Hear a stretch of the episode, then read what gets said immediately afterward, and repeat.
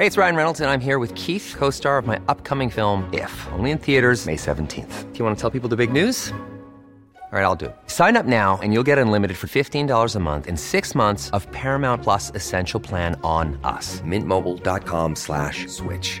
Upfront payment of $45 equivalent to $15 per month. Unlimited over 40 gigabytes per month. Face lower speeds. Videos at 480p. Active Mint customers by 531.24 get six months of Paramount Plus Essential Plan. Auto renews after six months. Offer ends May 31st, 2024. Separate Paramount Plus registration required. Terms and conditions apply if rated PG. Hey, I'm Ryan Reynolds. Recently, I asked Mint Mobile's legal team if big wireless companies are allowed to raise prices due to inflation. They said yes. And then when I asked if raising prices technically violates those onerous two year contracts, they said, What the f are you talking about, you insane Hollywood ass? F- So to recap, we're cutting the price of Mint Unlimited from $30 a month to just $15 a month. Give it a try at mintmobile.com slash switch. $45 upfront for three months plus taxes and fees. Promo rate for new customers for limited time. Unlimited more than 40 gigabytes per month. Slows. Full terms at mintmobile.com. Hey there, it's Michelle Norris. I'm host of a podcast called Your Mama's Kitchen. When I travel, I'm usually looking for a way to find a taste of home when I'm not at home. And one of the things I love to do when I am at home is entertain. And Airbnb allows me to do that. When I was in California recently, I rented a house that had a great kitchen. And when we were sitting around the table, we we're all thinking, we're in someone else's house. Someone could be in all of our homes as well. If you have a home, but you're not always at home, you have an Airbnb. Your home might be worth more than you think. Find out how much at airbnb.com/slash host. livsfarlig miljö att sitta och babbla. Ja, ja, men det var därför jag tänkte att jag... Klipper det som intro. Ja, ja, ja, ja, ja. Nej, just det kanske vi ska skippa. Det hade kunnat bli lite Det här kan vi ha med däremot. Kan nu folk fundera på vad det var vi pratade om. Mhm. kan det vara.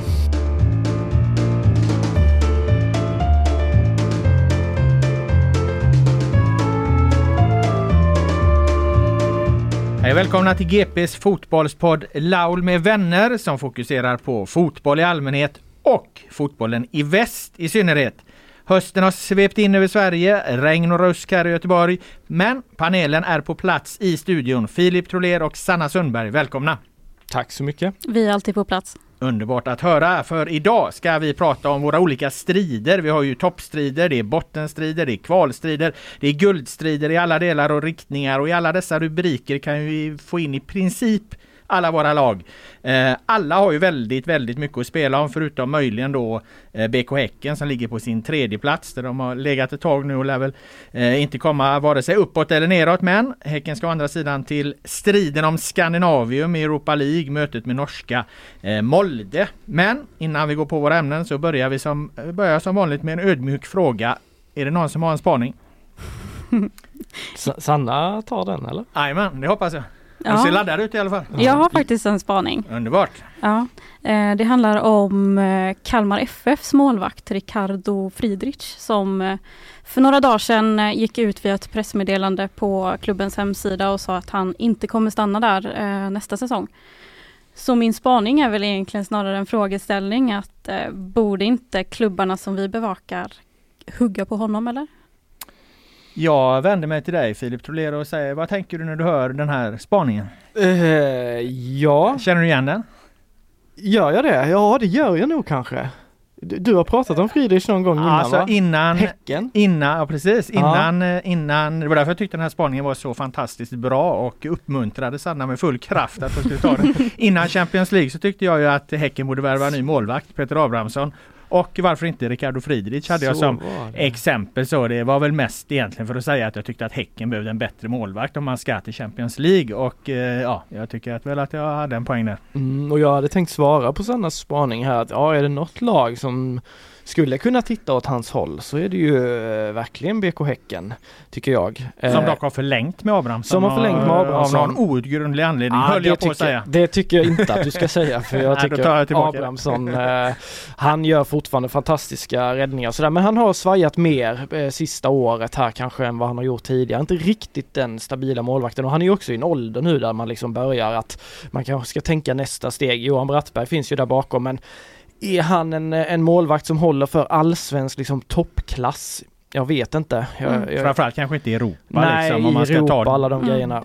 Det. För det var, ju lite, det var ju egentligen där jag tycker han svajade mest. Det var ju den här matchen mot färöiska laget där, där han tappade in en hörna och, och mm. en frispark. Det, det, det, var ju det som kostade dem möjligheten till Champions League. Så. så var det. Sen gjorde han några brutala räddningar i den matchen också kan vi bara föra till protokollet. Men uh, jag tror Friedrich hade passat mm. väldigt bra i, i, i Häcken också och jag har blivit väldigt uh, imponerad av honom när, när han har, har spelat. Alltså Blåvitt och Elfsborg tycker jag, de har ju så väl förspänt där. Även om Dahlberg har svajat i perioder av den här säsongen så tycker jag ändå att han, han måste Blåvitt ge förtroendet att bygga vidare på och så länge Hakon Valdimarsson är kvar i Elfsborg så har de ju inga problem där. Det är ju allsvenskans bästa målvakt. Liksom. Mm. Du som lyfter spaningen Sanna, då, vad, vad, vad, vad vill du ha Friedrich? Jag tänkte också på BK Häcken främst. Eh, Peter Abrahamsson, precis som du sa Filip, han har gjort otroligt bra räddningar. Samtidigt så har han eh, gjort lite svagare ingripanden och ja, det är lite svajigare där. Mm. Så att där hade jag kunnat se honom främst. Men sen så tänkte jag också på Elfsborg i och med att Hakon Valdemarsson gjort det så himla bra. Att det måste vara många klubbar som är intresserade av honom. Och mm. om han skulle lämna så hade ju Friedrich varit ett perfekt namn där. Mm. Absolut. Har du, du som följer Elfsborg noga, om han nu blir guldmålvakt eh, mm. här nu, Hakon, försvinner han då eller? Är det den känsla du har? Alltså jag vet inte. Eh, I sommarfönstret så var han ju öppen och sa att han har haft intresse på sig så att det är klart att han borde ha ännu större intresse på sig nu så att det kan ju bli svårt för Stefan Andreasson och Elfsborg då att behålla honom såklart. Mm. En annan sak jag tänkte på där som du berättade eh, var ju att han har gått ut via ett pressmeddelande och sagt att han inte blir kvar i klubben. Mm. Var det så eller? Ja, ja så det... som jag förstod det så gick de ut på Kalmars hemsida och berättade det här. Då. Är det lite ovanligt eller? Så? Eh, ja det är det. Det där T brukar ge sig via intervjuer och sådana grejer. Eh. Ja, intervjuer det kanske brukar oftast komma efter säsongen eller kanske ett sommarfönster om någon eh, vill få klart tydligt liksom ta död på spekulation att men jag ska sluta efter säsongen eller något sånt där. Mm. Liksom. Men en spelare som ändå är en eh, toppspelare i laget som Kalmar säkerligen hade velat ha kvar. Det är lite udda verkligen att han, att, att de går ut på det sättet och i den här stunden och sådär. Sen har ju Kalmar inte sådär jättemycket Ja, i och för sig, de kan väl fortfarande nå fjärdeplatsen. Ja, sådär. Ja, men, äh, men ja, nej, vi kan väl, äh, tajmingen kan väl ändå vara okej okay med tanke på deras läge, ja. man säger. Ja, men så som jag förstod det av det här pressmeddelandet så hade de jobbat hårt på att behålla honom, men okay. att ja, de inte kom fram till någon lösning då, Nej. så att det är väl Friedrich själv som vill lämna. Mm, ja. Okej, okay, då vill de kommunicera det. Ja, ja, men det förklarar väl saken lite grann. Eh, bra, tack för den spaningen. Du hade ingen eh, Filip, eller du sparar dina till, till eh, eh, följande kommande programpunkter? Ja, ja, ja, ja, jag gör det tror jag. Ja, ja, men det är bra. Du ska få dina chanser här. Men vi ska börja eh, med att bolla tillbaka till dig Sanna, apropå mm. du nämnde Håkan eh, Valdemarsson där och vi ska faktiskt börja med, med guldstriden. Vi ska börja med Elfsborg. Hur var det på Borås Arena? Eh, när Elfsborg tog ytterligare ett guldkliv då via den här 3-0 segern mot AIK. Det var glädje får man ju ändå säga, både bland spelare och supportrar och alla som var där, förutom möjligen AIK-folket då. Mm. Eh, det ser eh, desto dystrare ut för dem såklart. Men det är såklart att det är ett jätteviktigt kliv för Elfsborg att vinna mot AIK. Nu är det bara tre matcher kvar och ja, man får väl säga att IFK Göteborg i nästa match blir ju tuff såklart. Degerfors därefter, då har de ändå möjlighet att säkra SM-guldet beroende på hur det går då. Eh, för Malmö FF och eh, i matchen mot IFK Göteborg. Men ja, det var såklart jätteviktigt och ja, verkligen. Ja, eh, den där är ju högintressant den här fortsättningen med de närmsta matcherna. Eh, jag, ska, jag, ska, jag ska reda ut lite där hur det faktiskt kan bli, hur det faktiskt är ganska troligt att Elfsborg eh, skulle kunna eh, säkra guldet redan på, på i näst sista omgången då och då blir det inte den här guldfinalen då vilket ju i sig vore lite tråkigt. Men vi, vi, vi kommer till det, vi, vi tar lite mm. om matchen först där för att eh, jag kollade, jag följde den här matchen på TV, jag kände lite, eller vad jag kände när jag såg den här det var att jag började känna lite samma känslor som jag hade för Häcken i fjol när jag ser Elfsborg för att de, man, man, kan, jag kan liksom relatera till, sympatisera med det här att nu finns det, börjar det finnas så mycket att förlora. Jag kommer ihåg en match som Häcken hade mot Malmö FF. De ledde med 1-0 så blev Alexander Jeremejeff utvisad. De var tio man. Malmö började trycka på lite grann och så eh, det, det var tre, fyra omgångar från slutet. Alltså de var så nära sitt första historiska guld. Men skulle allting rasa nu? Är det nu liksom, går det åt helvete här nu liksom? Eh, det gjorde det inte utan, utan Samuel Gustafsson Gustafsson gjorde 2-0 för, eh, för, för Häcken och vann den här matchen mot Malmö eh, 2-1 och ledde de serien med typ 9 poäng. Det var inte matematiskt klart men det var i praktiken klart och sen säkrade de guldet då. Men Elfsborg är ju lite samma eh, veva, det är inte riktigt lika mycket på spel. Elfsborg har ju massa SM-guld, det här kan bli deras eh, sjunde, men de har toppat tabellen nästan hela säsongen och när de går ut i de här matcherna, de gick ut mot AIK, då får jag den där känslan igen att de är så jävla nära nu. Men, mm. men, men, men förlorar de, då kan ju allt plötsligt vara, vara omvänt. Jag vet inte om ni förstår mina känslor i det här läget, men, men jag kan i alla fall relatera till just det där, när man är så nära någonting och så kan det bara ryckas bort och så är allt mm. förbi och över. Jag hade nästan velat att du blev filmad här nu Lau, för du glöder verkligen. Det viftas och flängs här fram och tillbaka, men jag förstår precis vad du menar, alltså att det är, det är liksom, det är stunden, det är inte så många gånger och kanske inte för en sån klubb som Elfsborg, även om det är en, en klubb som kan vara med i toppskiktet och sådär. Det är inte så jädra ofta de är med hela vägen in och Häcken var kanske lika, eller läget var ju samma för Häcken i fjol, att det känns som att de hade varit och nosat lite men de står där nu med, med handen, den är ju liksom nafsar på mm. pokalen. Liksom. Känner doften ja, av den. Ja, så är det ju. Så jag, jag fattar precis vad du menar och jag tycker det är riktigt, eh, riktigt starkt av Elfsborg hur de har gaskat upp sig här efter att eh, inte alls sett så bra ut under mm. några omgångar där eh, tidigare. Jag måste säga att de hanterar sina guldnerver väldigt bra, speciellt i den här matchen mot AIK. Mm. Det är flera spelare som kliver fram och visar på lugn och trygga sidor som till exempel Sebastian Holmén gör kanske sin bästa match den här säsongen tycker jag. Niklas Hult är också jättebra och Michael Baidoo otroligt mm. viktig och gör två mål. Ja, det är många som är värda att lyfta fram. Han har klivit fram ännu mer ja. Baidoo här ja. efter Römer äh, lämnade tycker jag. Ja, verkligen. Och Per Frick var ju överallt och tog mm. smällar och han det, det, liksom sänkte ju Milosevic där i, i eget straffområde med, med, med, med, en axelryckning eller vad vi ska kalla det. Och, mm. Mm. Och, så eh, duellerade han framåt och de sjöng ju om honom igen, supportrarna där. De gillar ju den sången. Så att eh, eh äh, Frick var överallt och nej men jag håller med, de, de darrade inte utan de, de, de klev in, tog tag i den här matchen och, och gjorde det de var bra på helt enkelt mot ett svagt AIK ska väl eh, ska väl eh, villigt eh, e-, erkännas att det här är ju inte det AIK man är van vid. Det här är ju inte liksom så som historieboken brukar se ut utan det är ju ett ganska, ganska dåligt AIK. Men eh, pressen var ju stor på Elfsborg just den här matchen eftersom Häcken hade vunnit stort och framförallt Malmö FF hade vunnit stort dagen innan och då kommer du in där, du vet att de här har gjort stora segrar och du ska leverera fastän det är tryck på, på, på, på dig då. Så jag håller med där Sanna att det, det, det var starkt att de, de överhuvudtaget inte darrade. Verkligen. Det var grejen liksom, känner ja. jag med den här matchen. Ja, och Per Frick som du nämner, han kan ju bli avgörande i de här sista omgångarna. Mm. Verkligen. Han är ju så störig och brötig på ett positivt sätt. Så ja, det är otroligt bra. Publiksiffran?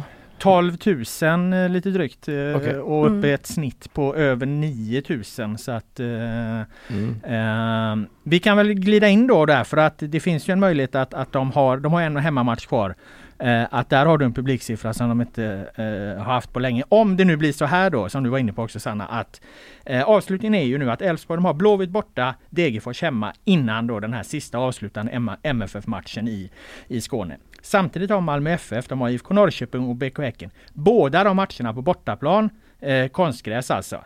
Eh, om Elfsborg tar 6 poäng. Lyssna här nu. Om Elfsborg tar 6 poäng, alltså om Elfsborg vinner mot Blåvitt och vinner mot Degerfors då får Malmö inte tappa en enda poäng mot, eh, mot eh, eh, Norrköping och Häcken. För att då, då, är, då, är, då, då har Elfsborg vunnit guldet eh, redan via den här Degerfors-matchen. För mm. att de är två poäng före nu. Skulle Malmö tappa poäng mot Norrköping eller Häcken, ja då blir det fyra poäng. Mm. Så att då mm. kan inte Malmö ta ikapp det på den Nej. sista omgången. Och det är klart att och det är då mer. har du den. Då, då, ja.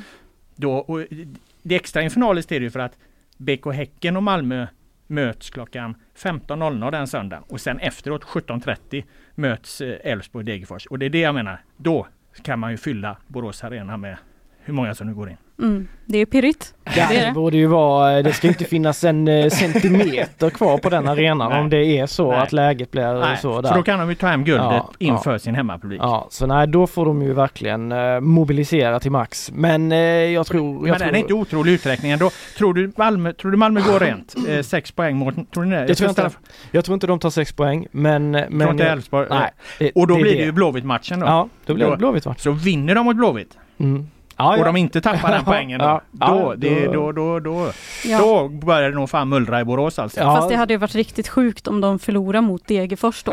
ja, eh, exakt alltså det, ja det hade ju varit riktigt. Frågan är ju Degerfors där alltså de kommer ju sälja sig dyrt sannolikt om de lyckas med sitt uppdrag, vinna mot Varberg borta som de har i nästa, ett Varberg som är färdiga liksom. Mm.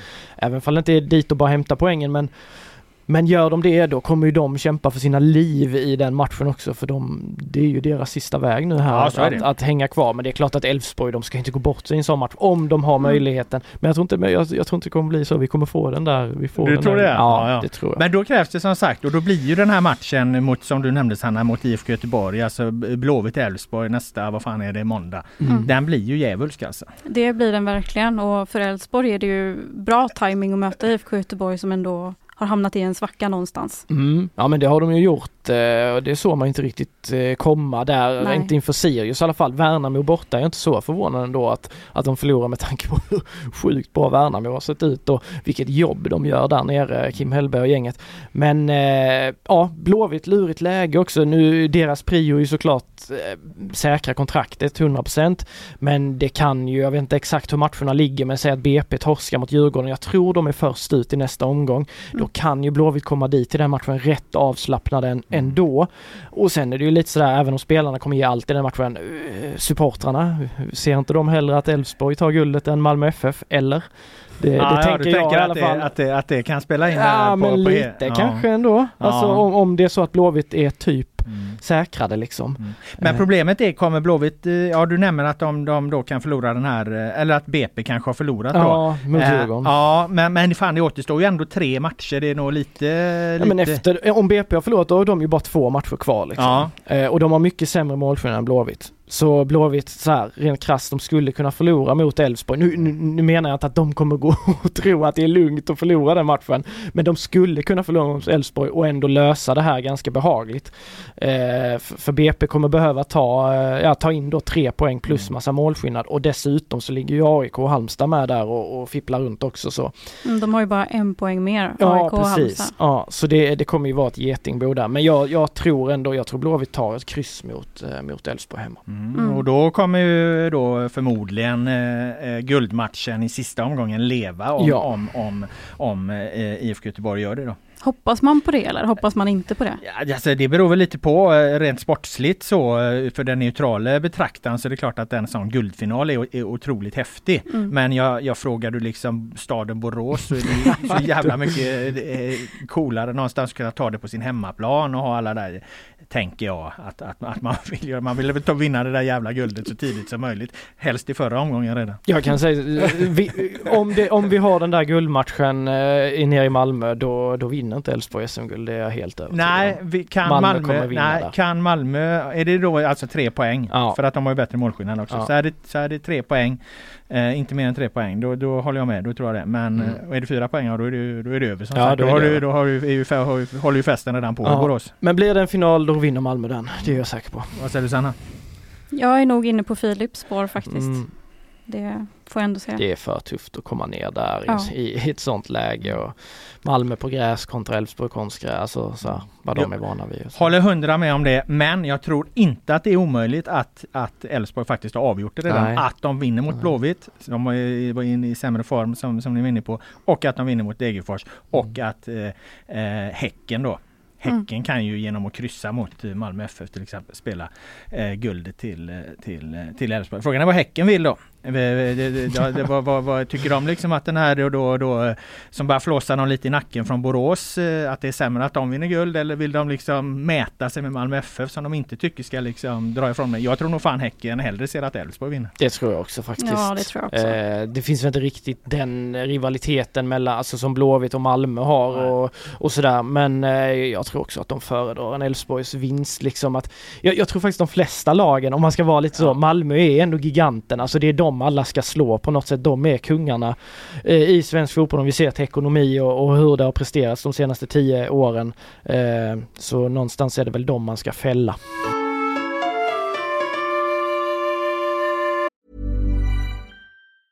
Hej, det är Ryan Reynolds, och jag är här med Keith, co star of my upcoming film, If, only in theaters, May 17th. Do you want to tell people the big news?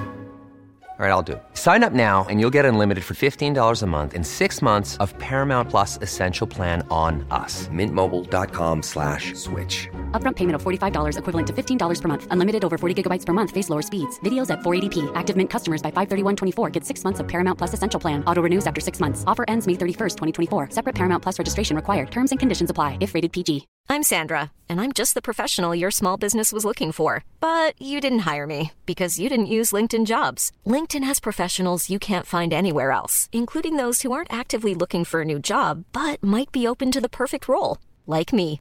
In a given month, over 70% of LinkedIn users don't visit other leading job sites. So if you're not looking on LinkedIn, you'll miss out on great candidates like Sandra. Start hiring professionals like a professional. Post your free job on linkedin.com/people today.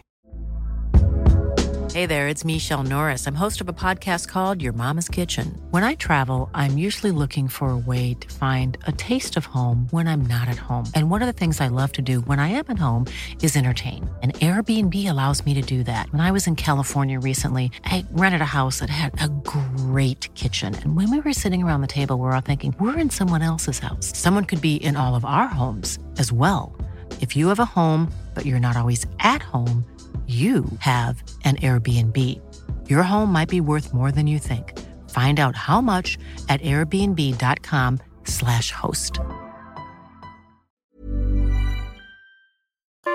Vi var inne på IFK Göteborg idag, eh, lite där, men vi ska, vi ska ta dem lite mer. Du nämnde ju det, eh, förlusten mot IFK Värnamo då. Jag håller med där, det är i sig inget konstigt att man förlorar med, med 3-1. Värnamo är ju bra på riktigt, Kim Hellberg är bra, de är ett bättre lag, de är idag en mer välfungerande förening än IFK Göteborg. Alltså Värnamo ligger sexa i Allsvenskan.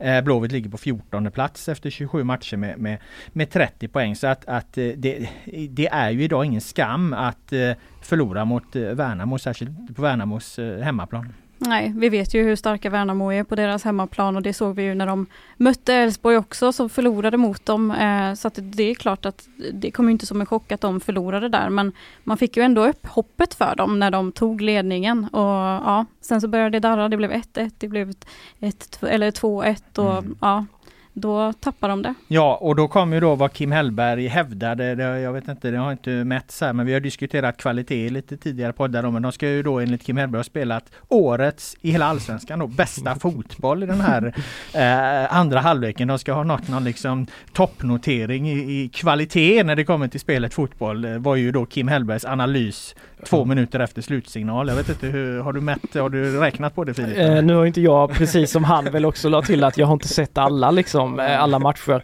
Och det har inte jag heller gjort. Men jag såg den här matchen Ja. eh, och jag tycker deras andra halvlek är faktiskt helt fantastisk. Eh, och jag gillar, alltså jag gillar Kim Hellberg och Värnamo jävligt mycket. Alltså jag, jag blir eh, väldigt imponerad av det. Jag tycker det är skön, alltså skön approach till hela, hela grejen. Jag lyssnade på något, eh, om det var Fotbollsmorgon eller vad det var, Kim Hellberg var med där, hade många intressanta tankar om hur man ska utveckla svensk fotboll och så. Han ville bland annat se ytterligare två lag i allsvenskan och sådär lite Utöka den? Ja, utöka den och han tycker att man ska ställa högre krav på gräsplaner och sådär för att få bort konstgräs. Alltså jag, jag gillar mycket av det han han står för.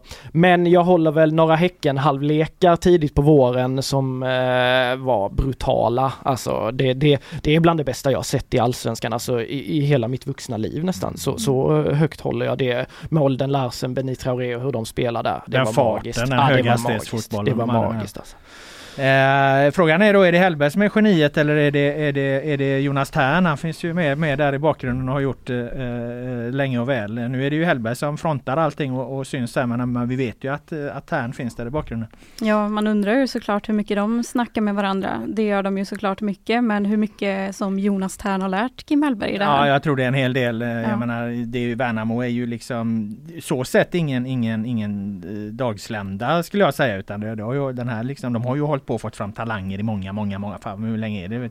Ja, Tio år för fan. Nej, men alltså, ja, vad fan, länge. kommit därifrån. Liksom. Ja, alltså de hade ju alltså de här Hult och, och Claesson och allt. Baffo, allt ja, ja, precis. va? Ja, de kom ju där från Värnamo liksom och, och, och, då var ju Jonas Tern med redan på den tiden. Så att, eh, så att, eh, så att, men, eh, men Kim Hellberg är en, en, en god elev och jag menar det är väl inte omöjligt att, att, att, att, vad säger man, att eleven överträffar läromästaren med tiden. Jag menar Hellberg är ju ung och en liten spelevink till, till sättet som du sa där man blir glad när man ser han. eh, Så att, eh, Ja. Eh, han har nog fin, eh, fin framtid som fotbollstränare alldeles oavsett om, om Jonas Tern har rätt många fingrar med i det där spelet. Det ryktas ju att han ska till Djurgården bland annat. ja. Mm det tror jag. Om de nu känner sig att, att, att det är dags att gå vidare från Kim och Tolle och sådär så eh, tror jag han hade kunnat göra ett ypperligt eh, jobb där. Jag, och jag var ju nere i Värnamo inför säsongen, gjorde reportage också, satt ner med honom länge då, tyckte gav jättesympatiskt intryck och sådär. Och sen får vi också credda sportchefen Enes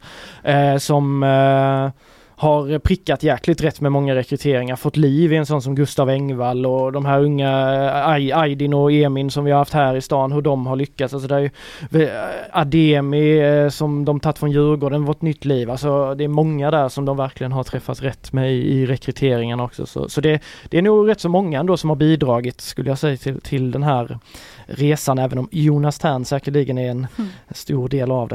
Mm. Men vad tänker ni om Blåvitt då? Det kändes ju ett tag där som att, att eh, jag vet inte om vi kanske eh, gick i den fällan eller vad jag ska kalla det så mycket, men, men att det var en, en bild av att nu hade Ola Larsson kommit in, nu hade Jens Asko kommit in, eh, nu hade de gjort de här värvningarna, nu, nu, nu var det här laget någonstans oslagbart, nu var de så väldigt mycket bättre än, än de var tidigare. Den känns som att den bilden har fått en liten törn här nu efter, efter senast senaste. Så att när man lyssnar av liksom hur snacket går så, så är man nu lite eh, eh, eh, mer tvivelaktig till, till det här. Jag tänker väl spontant att man kanske ska ha en mer realistisk eh, eh, syn på det. Det är klart att de som har kommit in har gjort ett jävligt bra jobb men de har ju liksom inte gjort IFK Göteborg till, till ett, eh, ett, ett, ett topplag bara för det liksom. De, de, de, är inget bottenlag längre skulle jag säga men alltså, skillnaden är inte så fruktansvärt stor som den kanske kändes där ett tag när de var inne i flowet och vann, vann. Jag vet inte vad ni känner men... Ja, när de var inne i det här flowet så var ju de jag skulle väl nästan våga säga det mest formstarka laget i Allsvenskan mm. trots att de låg där nere som de gjorde. Det var få som ville möta IFK Göteborg när de var så starka. Men det är klart att det, det svänger fort, det har vi sett nu. Ja. Och typ en sån som Astrid Selmani har de inte lyckats få igång alls och det är de nog inte helt nöjda med att det ser ut så. Nej, alltså han kom ju in som en väldigt viktig symbol mer för det här hårda arbetet och, och karaktären att aldrig ge sig och liksom tog dem upp ur skiten. Och vi, jag för man tittar på någon formtabell under andra halvan av säsongen och då var ju Blåvitt typ topp tre ett tag, i alla fall topp två till och med tror jag. Jag tror snarare det är en liten kanske, att det är lite så här en mental knäck för dem att, att oj, här har vi tågat på och, och Jens Asko blev väl utsedd till månadens tränare två månader i rad och det, det kändes som att, ja men de hade nästan rätt ut stormen. Men sen så kommer det två förluster och så ser man ju att, men herregud, vi är ju i, i skiten fortfarande. Och då tror jag ändå att det måste vara en väldigt konstig känsla att man, man har en så, så bra känsla under lång tid. Mm. Men sen när man väl tittar på det och allting ska avgöras så, så vet man att, ja men vi är i ett dåligt läge ändå liksom. Mm. Just med tanke på då hur dålig resultatmässigt starten var. Så de, de får ju sona för det liksom här eh, i, i slutspurten. Men Alltså, jag, men jag tänker lite så att energi flyger du på ett tag. Jo. Kvalitet flyger du på för så, evigt liksom. Så är det. Så är det. Men jag tycker, jag tycker att absolut, alltså nyckeln i det att de har lyckats, det är ju energin. Att intensiteten, försvarsspelet, att de har fått den här pushen, Carlén och Tordarsson och, och Mukolli och de har sprungit som djur. Men jag tycker också att det finns mycket spelmässig kvalitet. Det har de framförallt tycker jag visat i hemmamatcherna, Malmö FF borta. Alltså det finns många exempel på där de har spelat jäkligt fin fotboll i det här också. Men så försvann Marcus Berg och alltså det blir ändå lite hack där och ehm, Men eh, det är klart att kan de bara rida ut detta, få en hyfsad avslutning, då har de ju verkligen något att bygga i för nästa år. Mm. Ja absolut. Uh, du hade en, en, teori där om med, med hur det skulle gå sett till spelschemat där Filip. Jag ska mm. dra en annan te teori här hur det skulle kunna bli. Om, om vi tittar på, på, på Blåvitt versus BP då som är, är eh, IFK Göteborg är ju tre poäng eh, före BP. Eh, Blåvitt har då kvar alltså Elfsborg hemma, AIK hemma och sen Varberg Boys eh, borta. Eh, BP har då Djurgården hemma, Mjällby borta och Häcken hemma. Det låter ju ganska tufft då, Djurgården, Mjällby, Häcken. Men det här är ju tre lag som, som inte har så jävla mycket att spela för. Och tänk nu det här scenariot. Vi säger att, att det lever väldigt tajt eh, vem som ska hamna på kval av IFK Göteborg och BP inför sista omgången. Då ska alltså Häcken åka upp till, till, till, till Grimsta och möta BP där och Häcken vet då att om vi förlorar här då kan vi skicka IFK Göteborg till en kvalplats. Vinner BK Häcken den matchen? Pistol mot huvudet Filip. Ja, ja precis. De kan sätta Blåvitt på kvalet där. Alltså min bild är att de är så pass professionella och att de ser, eh, eller som klubb ser många fördelar med att ha IFK Göteborg uppe i Allsvenskan. Jag tror att de eh, absolut kommer göra sitt eh, yttersta i den matchen, men det kommer sitta en jäkla massa supportrar ute på hissingen och hoppas på något helt annat, det kan jag lova. Och många kommer spekulera om, om motsatsen. Ja, det blir nog en del beroende på hur det går i matchen såklart, men Ja, jag fick upp en bild i huvudet att spelarna bara lägger sig ner.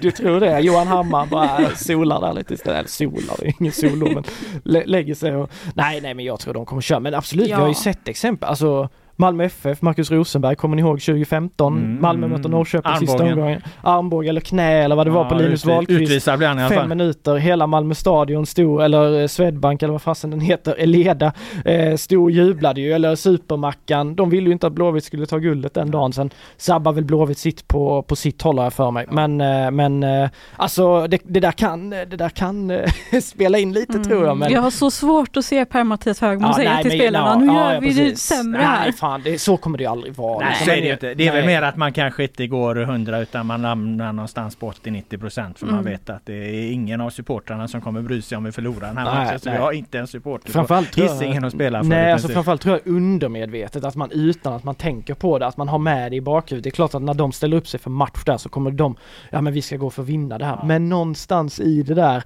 i bakhuvudet så finns det liksom att, ja det skit i, det är inte hela världen om vi torskar här liksom. För mm. Om Blåvitt hade varit i motsvarande situation, om de liksom hade kunnat placera Häcken på en kvalplats eller så, så då vet man ju vad Blåvitt-supportrarna hade velat se i alla fall. Ja, ja men det så är det ju liksom. Men jag tror samma där. Alltså jag, jag förväntar mig det, eller jag tror verkligen det av, av alla lag, att, att alla lag gör sitt yttersta in i det sista för att visa respekt gentemot det sportsliga och gentemot hela serien och, och hela liksom allsvenskan och svensk fotboll liksom. Vi hade ju en sån eh, exempel i, i damallsvenskan här för bara för några veckor sedan där när, när jag inte om ni följde med på det, men när Rosengård eh, eh, fick en match, var det mot Hammarby eller om det var mot Linköping eller vad det var. De fick ju den mitt emellan eh, Champions League-kvalen och ställde upp med nio spelare som, som inte brukade spela just för att spara då inför, inför, inför Europakvalet, Champions League-kvalet som de ju senare lyckades med då så att ur Rosengårds perspektiv så, så, så var det bra liksom. Men, men det vart ju en, en, en, diskussion hur sportsligt är det här liksom att komma med, med, med, med, med, men det är ju en, en annan diskussion med den närbesläktade till det där med att alltid göra sitt yttersta. Så, så är det ju, men där, där tycker jag, alltså där kan man inte klandra Rosengård, tycker inte jag. För de har ju något annat som de anser är viktigare att satsa på, precis som att vissa lag ibland vilar för ja. svenska, eller så här att eh, spela något eh, liksom reservbetonat lag när det är en viktigare match framför. Mm. Här i det här läget, då pratar vi om lag som inte har något mer den här Nej. säsongen och, och mm. lira för. Då tycker jag att då är det din mm. skyldighet verkligen. Och, och jag är övertygad om att de spelarna som fick chansen i Rosengård den matchen, de gjorde ju sitt yttersta också. Så nej, det där köper jag inte alls. Utan Rosengård, Men det blev ju effekten ja, blev ju att de inte gick med bästa laget ja, liksom, och det blev en debatt av ja, det. Och jag kan förstå att man liksom, om man är inblandad själv i den där toppstriden då, att man liksom blir lite eh, frustrerad över det. Men återigen, de hade något viktigare för dem framför. Då måste man ha respekt att de eh, inte vill liksom blåsa på med sina största stjärnor. Eh, Häcken gled vi över till lite där och de har ju inte så, så eh, mycket att spela för då eventuellt för att placera eh, Blåvitt på en kvalplats eller att då skjuta guldet till till Elfsborg i den här Malmö-matchen som vi nämnde tidigare. De ligger på sin tredje plats där, där i Allsvenskan och lär ju varken åka upp eller ner från den som sagt. Men de möter ju Molde två gånger i Europa League nu här på, på varandra på ett par veckor. Ehm, striden om, eller slaget om Skandinavien som jag nämnde där och det är väl också liksom Häckens chans att, att göra, göra något av den här, eh, den här liksom Europa League-chansen. Det har ju dött lite, i alla fall känslomässigt för oss som bevar, följer utifrån och bevakar det känner jag lite efter två raka förluster som i sig kanske inte är så mycket att, att, att snacka om. Men ska de liksom få lite fart och lite drag kring, kring det här liksom Europaspelet, då bör de nog, då bör de nog liksom vinna över Molde, i alla fall oavgjort borta och, och vinna hemma. För det är också den tredje plats i gruppen som kan ge dem spel i Europa Conference eh, League eh, eh, efter, efter jul nyår här. Om de ska vidare då i gruppspelet. Jag vet inte, vad, vad, vad, känner ni Sanna? Går du igång på, på, på eh, slaget om Skandinavien, Häcken, Molde? Ja men lite ändå, det får jag ändå säga. Jag tror att Häcken har goda chanser mot Molde. Eh, det ska bli spännande att se. De visade ju stark form mot Norrköping så att det, ja, det känns som att de befinner sig i ett bra läge. Vad känner du Filip? Ja, alltså jag vet inte hur riktigt hur det har gått för Molde. Jag hade, li, hade ett litet öga på dem så länge Harun Ibrahim, tidigare Gais-spelaren, var där. Mm. Har du Han- varit fan? Eh, han är ju utlånad till Sirius Ja. nu, så det har inte blivit mycket förtroende för honom där. Ehm, så eh, jag trodde ändå att de skulle ge honom lite mer, men jag har ingen aning om hur konkurrens och sånt har sett ut liksom. Så jag vet inte riktigt hur det har gått för Molde, men jag går också igång lite på den här matchen. Mm. Jag tycker alltid det är kul när eh, svenska lag ska ställas mot danska eller norska lag sådär att få mäta sig lite med grannländerna och att det är mycket på spel då här för det är ju, det kommer ju sannolikt vara Häcken och Molde som gör upp om eh, tredje, fjärde platsen där. Karabach är väl, jag vet inte Karabach, eh, har de gått rent hittills? Det har de Ja, de har vunnit både mot Molde, Ja, Mol- ja. Molde och Häcken då. Så Ja, att, eh, de, de lär väl ta den andra platsen och då är det ju som du säger, det är ju den här tredje platsen. Och den ger ju en, eh, alla tre år får ju spela Europa Conference League då. Man går inte vidare i Europa League. Nej. Men Men- vidare i Conference League. Men ja precis, och kan man göra det som Häcken, ja det är ju en fjäder i hatten, även en tredje plats liksom. Och jag, jag går generellt alltid igång på alltså Europamatcher, jag tycker det är svinroligt. Så, eh, så länge det fortfarande då gäller något sportsligt så absolut, jag, jag går igång på den Men du matchen. går igång på denna matchen mot Molde mer än när de möter Karabach eller? Eh, Ja det, det gör jag ju, Karabach alltså den, det, det av alla... Den var ju intressant av andra orsaker. Absolut, så, men om vi bara ja. håller oss till det sportsliga så kanske det var det tröttaste laget att få i, i en lottning av alla naturligtvis. Eh, Ja, men så är det. Ja. Eh, Molde är ju lite intressanta. Nu har jag inte exakt koll på senaste startelvor och så. Vi får väl kanske djupdyka lite mer i det inför matchen än vad vi gör här i podden. Men de har ju haft ett par matcher, rätt många, och under en tid där de spelar nästan bara med norska spelare i, i, i eh, laget. Det är ju extremt ovanligt i de här eh, tiderna och, och eh, eh det är ju väldigt eh, motsats till Häcken också som, som, som ju har en blandning av, av spelare från alla möjliga olika na- nationaliteter, vilket ju också har sin charm och är positivt och så här, men det, det, det, det är ju lite unikt i dagens fotbollsvärld då att, eh, så att som Molde bygga väldigt, väldigt mycket på, på, på norska spelare. Det var ett par matcher där de hade liksom en, en, en startelva med, med enbart norska eh, spelare. Man ser inte det så jävla ofta i fotbollsvärlden idag. Nej det är verkligen, eh, verkligen unikt får man ju, får man ju säga och, och sen vissa klubbar då som tar det ännu längre som Athletic Bilbao liksom med bara köra baskiska spelare så jag tycker att det finns något väldigt coolt i det. Landskrona Boys gjorde ju faktiskt så för två år sedan tror jag i Superettan. De hade bara skånska spelare, bara skånska spelare i sitt lag. Det är ändå ball alltså. Och uttalat då? Ja, jag vet inte men de gjorde mycket, alltså gjorde ju mycket marknadsföring kring det här liksom hela Skånes lag och så karta på alla spelarna i olika ställen i Skåne de var ifrån och sådär. Eh, Jag tycker att det är lite häftigt när man gör det sen om det är hållbart över tid och sådär. Ja, det är väl tveksamt men jag tycker bara väljer man sin, väljer man bara sin väg och står för det precis som vi pratade med Fidde Holmberg om Gais att de har mycket lokal förankring i sitt lag kryddat med lite annat då. Ja, då tycker jag man ska bara, bara backa det liksom. Samtidigt som man kan göra på andra sätt. Häcken har varit framgångsrika och bygga det på, på det sätt som de har gjort med mycket, med mycket utländska spelare och hitta fynd i, fynd i Afrika och i lägre divisioner och sådär så det, det går att, det är väl fantastiskt att man kan bygga på Mm. helt olika sätt och ändå lyckas. Ja, det är coolt när man kan gå sin egen väg, Ja. lite hur man än gör det Ja, egentligen. Ja, och Molde blir ju lite egen väg just som du säger där i det här då eftersom Mm. alla andra egentligen gör något annat. Mm. Eh, det som allt det här eh, kokar ner egentligen som vi har pratat om här nu med, med liksom strider och, och, och, och så. Eh, och här får du väl komplettera eh, mig Filip för jag har inte exakt koll på datum på eh, eh, när superettan då kommer in i detta. Men det är ju alltså att det kommer en söndag här om, om typ eh, två veckor. Eh, där både Allsvenskan på herrsidan kan avgöras. Alltså Elfsborg kan ju då alltså vinna mot Degerfors och, och ta guldet den söndagen. Och eh, samtidigt så möts ju då Häcken och Hammarby i typ damallsvenskans eh, största fotbollsmatch på år och dag. Där ju Häcken kan, kan eh, vinna guld. Så det kan alltså bli en, en söndag då, både, då gulden delas ut både på, eller delas ut gör det väl inte, men gulden blir klara då både på eh, på dam och herrsidan och, och det är ju fantastiskt. Eh, sen är det ju ett logistiskt problem att, att vi har lag, det är våra bevakningslag här som är inblandade i båda de här striderna liksom. Ett uppe i Stockholm och ett i, i Borås då liksom. Så att, och sen Och kan, som sagt, vad händer? Superettan kommer in i allt det här också Mm, liksom. jag kan Eh, slänga in där att eh, det är väl ganska hög sannolikhet att Gais säkrar sin uppflyttning den söndagen. Just den söndagen Den också. söndagen. Nej, Jönköping borta. Det var det jag anade lite att det fanns ytterligare en Så- krydda ja. på det här liksom. Eh, Uh, Jönköping borta har de i, i, i, den matchen. Nu är ju Utsikten med i racet igen och mycket mm. kan ju hända där.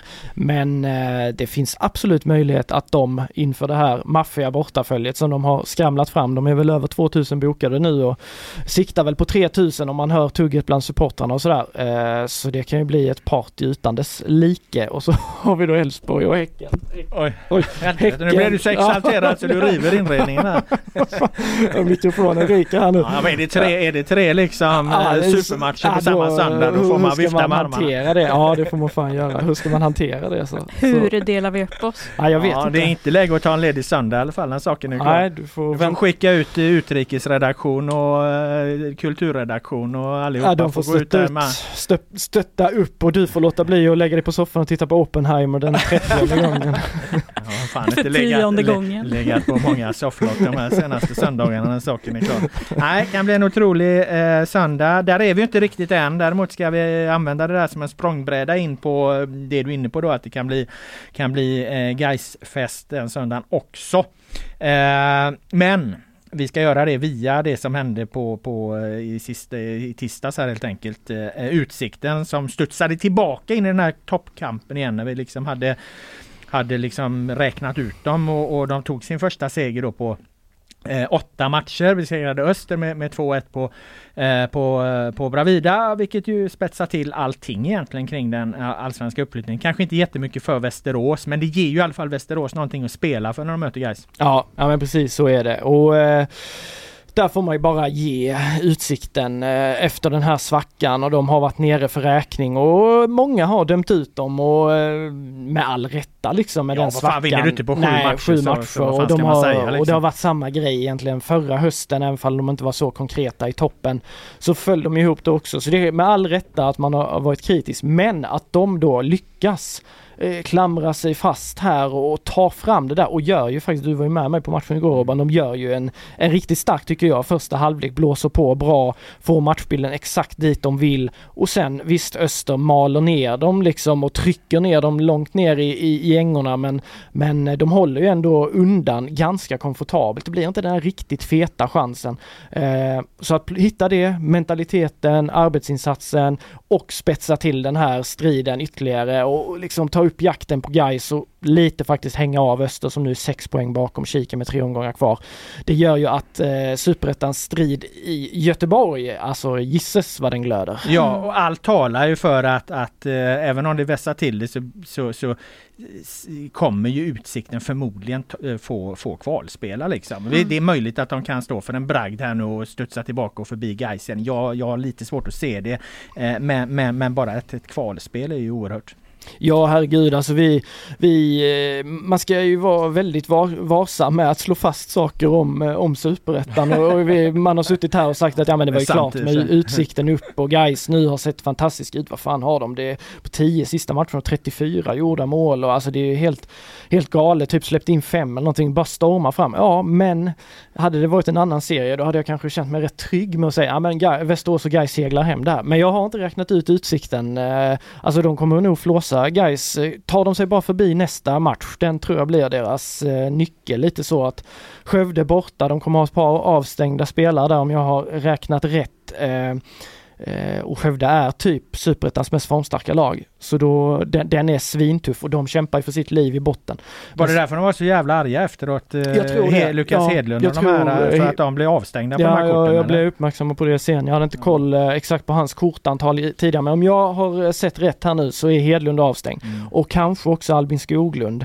Mm. Eh, och det är ju liksom deras offensiva spets. Men jag måste få dubbelkolla Skoglund där. Men Hedlund är borta, avstängd tror jag. Eh, så, så, det kommer bli en jäkla tuff eh, match, men skulle de vinna den, då är det ju, guys kan ju absolut tappa poäng mot Västerås och då är det ju helt plötsligt tryck på guys när de åker till Jönköping och ska fixa det där för annars får de ju den här sista matchen mot Utsikten där Utsikten kommer ha precis allt att vinna. Liksom. Men det är lite på samma sätt som du var inne på Robban, att du kände med Elfsborgsspelarna när de gick ut. Det kommer ju bli exakt samma med Med Gais-spelarna. Gais, ja, de är så Ja. nära det och så kan de förlora det Ja. liksom. Ja. Ja, ja, så är det ju. Alltså, det var en jävla tur att Gais vände mot Östersund nu då med tanke på den här utvecklingen som Mm. när Utsikten börjar vinna igen. eh, För det gjorde de ju nu senast eh, Gais här. De Ja. var, var, jag ska inte säga att de var illa ute men de, de låg väl trots allt under. Ja absolut, de låg under och det var ju en match, eh, vi ska inte glömma bort den, en otrolig högkvalitativ match där de ligger under i paus. Fidde Holmberg står ändå i halvtidsintervjun och ser ut som att han eh, precis ska åka iväg på någon solsemester och bara njuter av livet och är så glad och säger att det är härligt och tjo och tjim där till den här jävla kommentatorn. Jag tänkte vad fan ditt lag håller på och eh, eh, eh, tappa det här nu, vad, vad fan händer? Han, han bara så, men jag tror han var så jävla säker på att de skulle lösa det. Sen plockar de in Axel Henriksson och han bombar ju igång hela, hela stadion, står och vinkar och viftar när han ska bytas in och sen bränner han en straff, han träffar stolpen och sen är han ändå där och, och med, med skallen i 87 minuten eller vad fasen det var och, och, och avgör och glider på knäna, sina ihoptejpade knän båda två. Han sa jag fick så jävla, jävla ont där nu så han, han var, lev, levde farligt där men, men absolut, alltså det var lite det jag skrev i fem punkter också. De har visat så mycket här, nu visar de också att vi kan till och med resa oss i ett underläge där det är tryck, vi kan missa en straff, det blir ännu mer tryck, vi kan ha hur många chanser som helst, vi bränner, men de bara fortsätter Mm. och maler och maler och maler och maler. Och så till slut kommer målen och så vinner de och så tar de sjätte raka och så har de allt i egna händer. Eh, glider på knäna där men det är ju gräs eller hur? Ja, det är gräs där. Eh, då, han har en bit upp då till, till Jesper Råskinnet Brandts nivå som ju efter sitt mål i Utsikten där gled på knäna på, på plasten på Ja, konstgräset. Han borde ha goa, goa bränsår på, på de knäna efter det. Gisses ja, vi sa det både du och jag. Alltså kolla där. Alltså det var en ordentlig glidning. Alltså, han, men det var mycket adrenalin på den gubben alltså. Och säga. kraftfull, eh, kraftfull nick, stark nick. Första målet för säsongen, det plockar han fram i, i den matchen. Snacka om rätt timing och han gör en monstermatch tycker jag. Stångas med Jesper Westermark som kanske är den mest tuffa, obekväma anfallare man kan ha att göra med i, i Superettan. Men Brandt tar den striden och ja, det var en fet duell och en stark insats av, av, av Jeppe. Mm. För jag vet inte om du följde du matcherna Sanna eller hade du följt upp med annat? Jag kollade på matchen igår, Ja. det gjorde jag. Mm. Jag tyckte att det andra målet var ja, lite tveksamt eller? herregud, Av där eh, Östers målvakt? Ja. Det där herregud, han kastar ju för fan in den själv. Men, men, först i katastrof. Eh, Retur. Ja, returen han släpper Mm. ser ju helt eh, jättekonstigt ut. Och sen så, ja. Ja, det var länge sedan jag såg en sån uppenbar bjudning. Ja det får man säga och det blev avgörande det här målet. Hade Ja. han inte kastat in den så hade det ju varit oavgjort. Då hade det ju varit, ett helt annat jävla läge så att det, det, det visar ju små marginalerna. Ja så är det ju samtidigt så ja man vet ju inte utsikten hade kunnat eh, sådär. Men absolut det är en grov tavla och han har bjudit på ganska, vi satt ju och pratade om eh, när de hade mött Västerås Mm. eh, i den toppmatchen i Växjö. Då bjöd han ju också på några jävla konstiga mål. Sen nickade han ju in 2-2 där i slutminuterna. Så det verkar ju hända grejer runt den här eh, Prekovic eller vad han heter. Men kan vi bara stanna lite för ni Mm. sa att Lukas Hedlund blev irriterad efter matchen. Ja. Vad, vad hände då? Eller varför var han irriterad? Nej men han blev ju varnad i efterhand eh, och det hade han väl inte riktigt fattat förrän han kom in i spelargången och då skulle han ju ta det här med, med domaren liksom och då fick de Mhm. hålla tillbaka honom lite grann och Bosko fick lugna,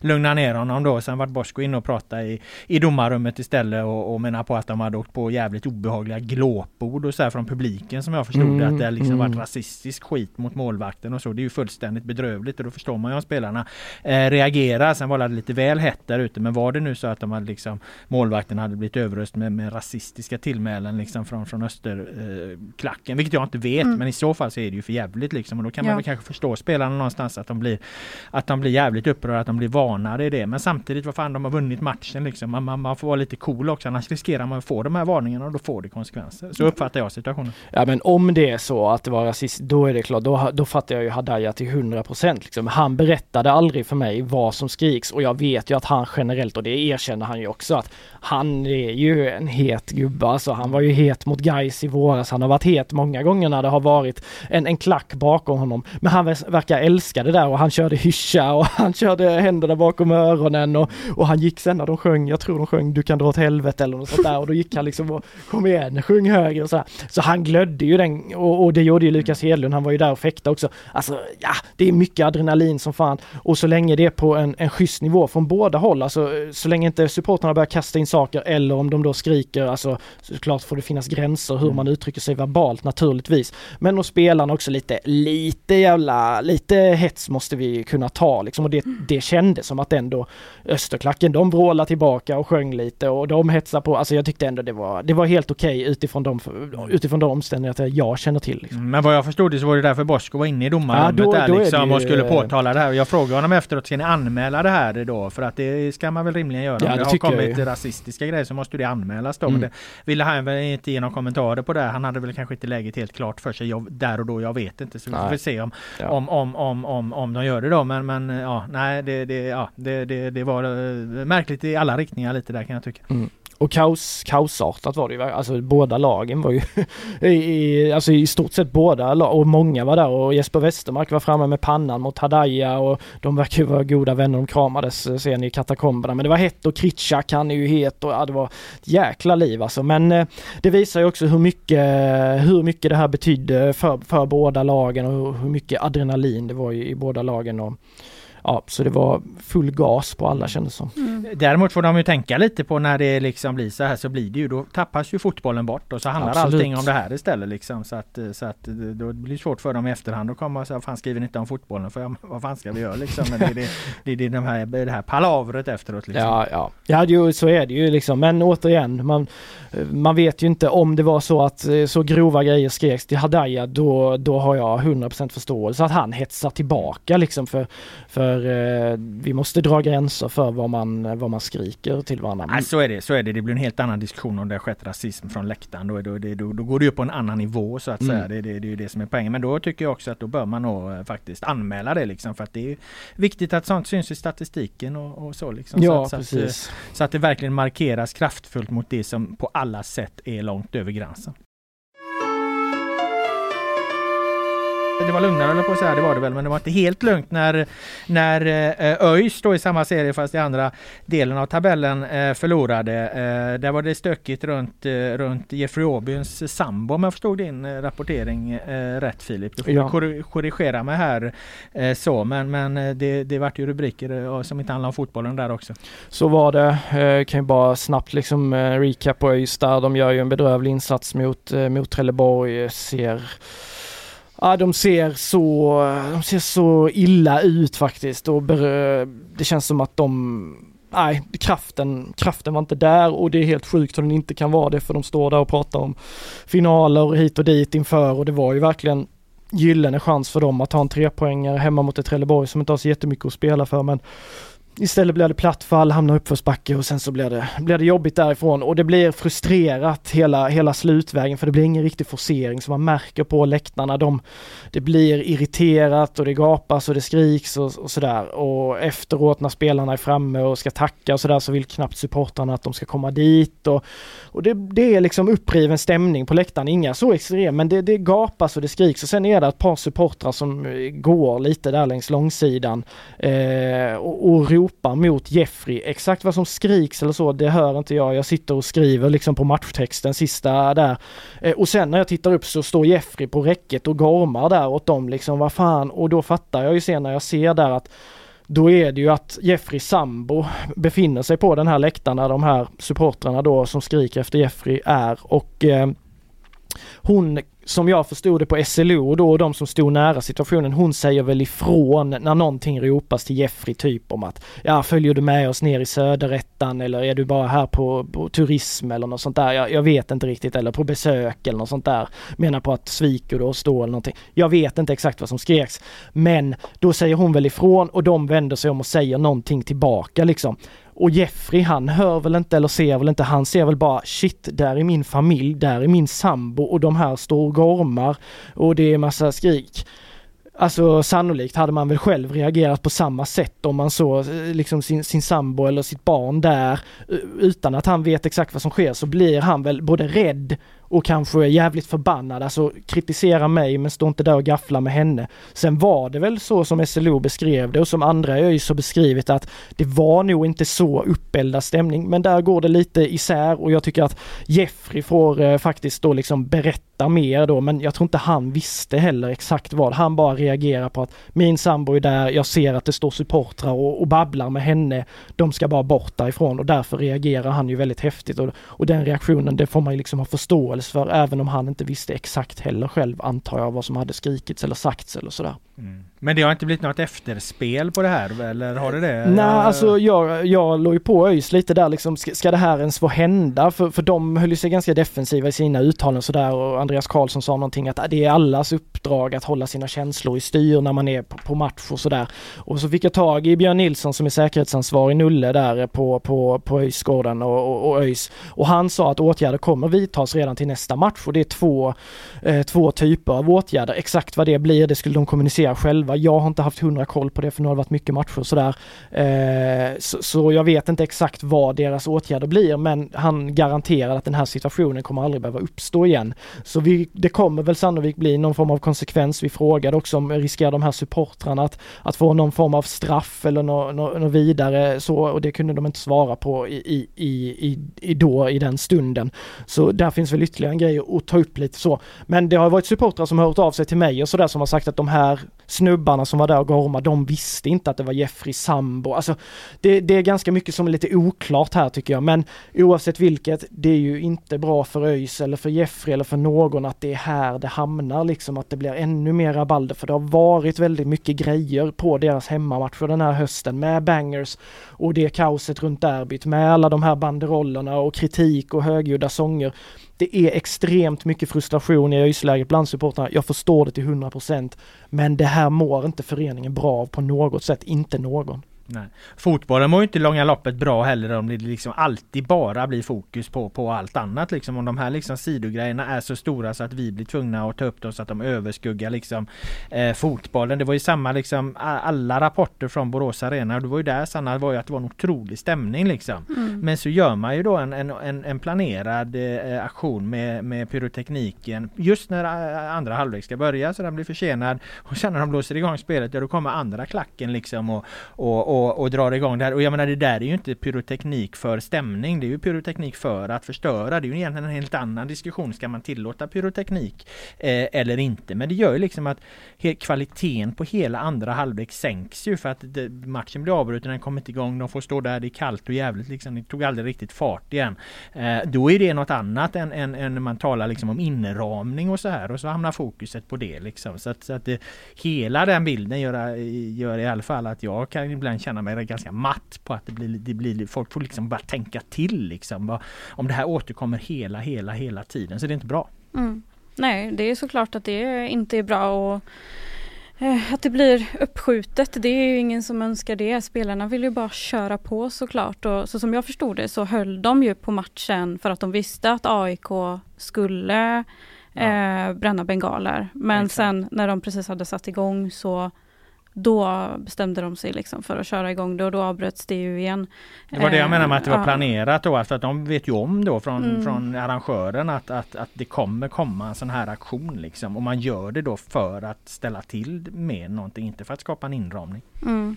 Sen tycker jag ändå det skiljer sig. Jag var ju inte, jag såg inte den här matchen för att titta på Blåvitt, men jag tycker ändå det skiljer sig lite typ mot en sån aktion. Alltså det är ju segt som fasen att sitta och vänta och det, ja, jag kan också bli lite, lite trött liksom. Det är så långa avbrott Ja, det också. blir ju så. Alltså, och det blir rytm och man vill bara att det ska flöda på liksom. Men jag tycker det blir en annan skillnad vad som präglar, alltså om man jämför med när ÖIS-supportrarna dundrar in bangers och skit. Det blir liksom kaotiskt och en klubb som då är i någon slags förfall, hur mycket det präglar liksom att det blir oro i leden. Det blir, det blir ännu mer liksom. Elfsborg är ju fortfarande ett lag som mår väldigt bra, en klubb som mm. mår väldigt bra. Eh, och då blir det mer att man bara, ja kom igen nu kör vi liksom. Men i, i ÖIS... Men man gamblar ju lite med det för att säg istället att vi hade fått en utveckling där AIK hade gjort 2-1 och, och kvitterat till 2-2. Då hade det här ju klätts i färgen av att det här avbrottet påverkade matchen eftersom man söker någonstans alltid eh, analysen åt det hållet så. Sen så, så är det väl jävligt svårt att dra sådana slutsatser för det kan ju slå åt alla håll. Ja. Jag, Ja. Det går ju inte att säga. Jag vet ibland diskuterar de ju. Jag vet Alexander Axén sa nå- någonstans där bara ja men supportrarna måste tänka på när de eh, eh, eldar för att de riskerar ett, ett avbrott för att det kan påverka deras eget lag. Vänder du på det resonemanget då kan du andra laget elda när Ja. det då ska påverka ett annat lag. Ja, liksom. Så det går ju inte att hålla på, på och värdera det så. I min värld så måste man bara säga vi, vi kan inte ha de här liksom eh, aktionerna som gör att det blir avbrott för det skadar alldeles oavsett liksom. Det, det, det är ju min take på det hela. Ja, då kanske vi ska eh, slänga oss på sista punkten i den här podden. Det är ju våran kära eh, eh, Svennisskala. Jävlar är vi där. Ja. Jajamän. Ska vi inte köra en trumvirvel? Ja, hade du haft den så hade, hade du fått den. Men eh, du kan få trumma igång med din skala om du har eh, en redo Sanna. Det har jag. Underbart. Eh, Jag kan börja med bra då såklart, eh, för att ta det i rätt ordning. Ja, Eh, Då har jag valt att lyfta en supporterpodd som jag tycker passar perfekt nu i guldstriden som har med Elfsborg att göra som ju leder serien. Nummer åtta podden som drivs av tre killar som heter Glenn Holvik, Olle Larsson och Kim Eriksson. Jag tycker att den, de gör det väldigt bra och tar upp det som man vill höra om laget och eh, ja, lyssna på den helt enkelt för att hänga med i guldstriden. ja men den eh, har jag sett eh, snappat upp att Elfsborgs supportrarna håller högt den här podden. De gillar den här podden. De tycker den är, är, är bra. Det gör de absolut. Den, jag upplever att den har hypats lite nu det senaste. Vi, ja, det, jag tror att det är den enda podden som eh, snackar om Elfsborg om jag inte har helt Den enda fel. supporterpodden då ja. Ja, jag tror det. Ja. Sen är det vi också. Vi är inga supportrar dock men vi är väl Nej, också de såklart. som, som babblar mycket om, om, om Elfsborg. Sen ja. Borås Tidningar kanske? Nej, jag tror faktiskt inte det. Nej, nej, nej. Så om man bara vill lyssna på Elfsborg Ja, ja. så kör in i den podden. Ja. Glenn Holvik var ju för övrigt med i, i, på Discovery på tv-sändningen där och pratade om den här otroliga liksom, publikutvecklingen de har haft på, på sin klackläktare då. då Ja, okej. eh, eh, Ja. eh, ja han pratade väl en del om, om, om, om eh, Jimmy Tillin också, om den här banderollerna mot honom Mm. och så som, som du har skrivit om i ditt Mm. eh, dokument då. Mm. Eh, att de, de ändå kanske liksom fick fart på Thelin vid något tillfälle. Det var liksom supportertolkningen på, på, på, på, på det här då liksom. Så att eh, Holvik han är, han är het nu. Han är het nu. Vi lobbar för honom. Det är roligt. Ja, ja men det är kul. Ja, fan, alla, allt engagemang runt, eh, runt eh, vår svenska fotboll tycker jag att man ska, ska uppmuntra och jag eh, generellt lyssnar väldigt mycket på, på alla poddar jag, jag kan komma över, nästan, när det Mm. gäller liksom våra lag och sådär också för att, för att ja, hjälpa och hålla sig uppdaterad och lite sådär. Mm. Så det är väl kul. Ja, supporterpoddar är fint. Ja, bra till nummer åtta podden då hette den va? Just det. Eh, mycket bra, vad har det varit? Ja, eh, jag har redan nuddat vid det innan lite, Mm. men att Per Frick är tillbaka och redo för guldstriden. Han har ju varit skadad mycket den här säsongen, men det är otroligt viktigt att han är tillbaka nu inför eh, sluttampen, så att eh, han är mycket bra. Ska han eh, bli staty i Borås om de vinner guld? Jag har sett att supporterna diskuterar en Fricadona-staty på en centralt placerad plats i stan. Ja, det är, Ja eller nej Sanna? det är oklart om, om Fricadona får en staty, men om Anders Svensson har fått en målning Ja, så fan. kanske Frick... Andreasson har ju en väggmålning också. så- Ja, exakt. Dit med en frikadona. Så, han kan väl få en liten målning i alla fall. En Ja, väggmålning. han en väggmålning överallt. Ja. Troller vill ha en Fricadona-staty. Ja det Gör du vill jag. Sanna? Ja det vill jag ha. Han är ju, nej alltså fan, han är ju deras liksom, vad ska man säga, den de ska sluta upp bakom liksom. Den, eh, ja, för, för mig är han eh, Elfsborg väldigt mycket nu alltså. Ja. Det blir väl så, eh, Sportbladet då, där jag jobbade tidigare, hade ju alltid den här guldmålningen när, Mm. när lagen har vunnit liksom. Mm. Det måste ju bli, om Elfsborg vinner så Ja, är det, då ju- ska då är det det ju Frick, Per ja. Frick som ska guldmålas. Ja. Mm. Kan inte vara någon annan. Nej det är skitsamma att det är andra som har varit bättre. Det ska vara frikadona då, det tycker jag 100% alltså. Ja, han är fin. Eh, bra, mycket, mycket bra då.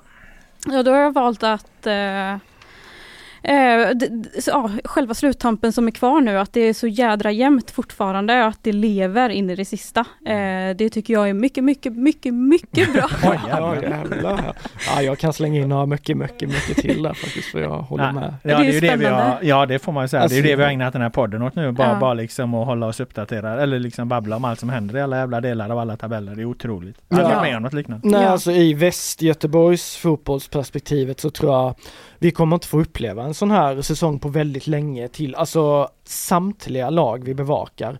Möjligtvis då Häcken, eh, men de har Men de är i de, Europa har, då, de är i liksom. sitt Mm. jävla Europa liksom. Så för, nej, vi, alla har något att spela för och vi har tre omgångar kvar. Det är helt fantastiskt. Man får slita som ett djur för att, för att hinna med allt men det är det värt liksom för det är precis som för spelare och sånt. Alltså fastän det är ju det här vi också brinner mycket för i Mm. alla fall. Så känner jag liksom att det är så jäkla roligt att vara med överallt där det, där det händer och ska avgöras och sådär. Mm. Jag berättade innan du kom in eh, eh, idag eh, på redaktionen Filip, så berättade jag för, för Sanna och de andra då yng- yngre generationen eftersom jag är åldermannen på, på Ja. GP Sportredaktion där om eh, guldstriden, inte så jävla länge sedan i och för sig, guldstriden 2019 i Allsvenskan. Då, då, eh, sista omgången kunde ju alltså tre lag vinna. Eh, Hammarby kunde vinna när de spelade mot Häcken. Eh, Malmö FF kunde vinna när de spelade mot Örebro. Djurgården vann ju när de spelade Mm. mot Norrköping. Så att då jobbade jag också på Sportbladet. Då hade vi liksom team på alla de här tre arenorna liksom och det var resultat fram och tillbaka. Länge såg det ut som Djurgården inte skulle vinna där exakt. liksom. Ett tag var Hammarby mästare, sen började Malmö som hade sämre målskillnad bräcka in mål mot Örebro. Men så kvitterar Djurgården till slut att gå ikapp 0-2, blir 1-2, så 2-2. Mohamed Buya Turay till slut liksom och vinner, Ja, det. vinner guld. Det var ju också otroligt med, med tre olika. Men det tenderar lite den här eh, Super Sunday vi får här nu då när Elfsborg kan vinna allsvenskan på här, Häcken kan vinna allsvenskan på dam och Gais kan going up. Ja, ja exakt så. så nej, men det, jag minns den uh, guldstriden där 2019 satt framför tvn då och hade massa olika skärmar igång och så. Alltså hela den känslan liksom att allt, allt, allt ska avgöras in i sista. Det är så häftigt. Eh, bra Sanna, tackar dig för din svennisskala. Mm. Lämnar över till dig eh, Ja. Filip, eller ska jag köra min emellan? Äh, nej, ja det kan du få göra. Ja, avslutar du? Okej. Ja, det kan, Eh, eh, då tar jag bra då. jag Eh, funderar fortfarande. Ja det gör du, då får du fundera lite till då. Eh, jo, många, och han får ju mycket skit här i eh, många kanaler och många, mycket, alla håll och kanter höll jag på att säga. Men SVS FF-ordförande Fredrik Reinfeldt. Men jag tycker ändå han gjorde rätt som går ut liksom eh, och, och fotograferar sig i, i, en, i en landslagströja, en gul tröja. De gör en, en grej av det här på, på förbundet eftersom det blev en debatt när Jan Andersson gjorde ett utspel att han var tveksam till att bära eh, landslagsdressen efter det här fruktansvärda då eh, terrordådet i, i, i Bryssel. Det är möjligen, eller det är ju förståeligt att Janne han var där liksom upplevde allting och han, han, han, han, eh, han uttrycker då att han är tveksam till om han kan bära landslagsdressen men jag menar all kamp mot terrorism handlar ju någonstans om att vi ska fortsätta leva våra liv som vanligt. Det är ju det, är ju det enda sättet man, man, man, förutom säkerhetstjänster och så här, men som vi vanliga människor kan göra. Vi måste fortsätta leva som vanligt, vi måste gå på våra matcher. Och att leva som vanligt innebär ju att ha på sig tröjan, om man nu brukar ha på sig en, en, en landslagströja. Eh, så där tycker jag Reinfeldt agerade som en ledare, att han kliver ut och, och, och, och, och skickar den här signalen då utan att vara rädd. För det, det är klart att det blir svårt för en ledare. Vad, vad kommer hända om en annan svensk supporter dör med landslagströja, ja då, då är det klart att då kommer ju folk ge Reinfeldt skit för att han Mm. står där. Men ska han inte kunna göra det för att vi, ska Jo. vi då sluta leva våra liv som vanligt? Jag tycker det är en fruktansvärt svår eh, diskussion men någonstans måste du ändå landa att vi måste fortsätta leva våra liv som vanligt. Ja. Och har du då en tröja och du brukar ta på dig den, då ska du fortsätta med det. Ja, ingen, ingen ska få ta ifrån dig den känslan. Alltså de sjuka människorna som gör de här sakerna, de ska fan inte få liksom ta bort det vackraste som fotbollen är. Liksom stolthet över att stötta ditt lag eller ditt land och det ska du få göra liksom alla, på alla tänkbara sätt genom att visa det med dina färger och, och tröjor och allt sånt där. Så jag, jag backar dig 100% och jag tycker det är starkt av Reinfeldt House liksom att det är den här linjen vi väljer, vi viker oss inte för detta. Mm. Eh, mycket bra då, eh, tycker jag klubbarnas samlade reaktion. Eh, de allsvenska klubbarna talar jag om då. Samlade reaktion på att AIK då bryter med det här agentbolaget som varit omskrivet och som har granskats för kopplingar till eh, gängkriminalitet. Eh, vi har ju eh, liksom kollat vad, vad klubbarna tycker. Sportbladet gjorde ju en sammanställning där alla i princip allsvenska klubbar uttalade sig och, och eh, i någon, någon form av liksom solidaritet då med, med, med att AIK försöker krångla sig ur det här greppet då så eh, säger de, sluter de ju helt enkelt upp då och säger att vi ska inte ha med det här att Eh, med det här agentnätverket att göra. Eh, som är trist i sammanhanget tycker jag eh, har varit IFK Göteborgs ställningstagande där då. Till Sportbladet sa ju den tekniska direktören Ola Larsson att vi vill i detta läge avvakta de pågående publiceringarna. Vi har upparbetade och bra rutiner men vi kommenterar varken rutinerna eller våra interna diskussioner. Generellt vill vi inte jämföras med andra klubbar och vi kommenterar inte heller andra klubbars situation, skriver Larsson i ett sms till Sportbladet. Och han har gjort liknande uttalanden när, när, när vi har ställt frågor då. Jag tycker det är svagt. Det handlar trots allt liksom om, om misstänkta kopplingar till gängkriminalitet. Då måste man liksom kunna vara tydligare och kraftfullare eh, i sina kommentarer. Men som sagt, mycket bra att majoriteten av de, de allsvenska klubbarna stod upp här i någon slags solidaritet med AIK. Mm. Ja, ytterligare också bara stämma in där liksom det det, det är ju så vi har störst chans att bekämpa det. Mm. Att alla står enade även där liksom.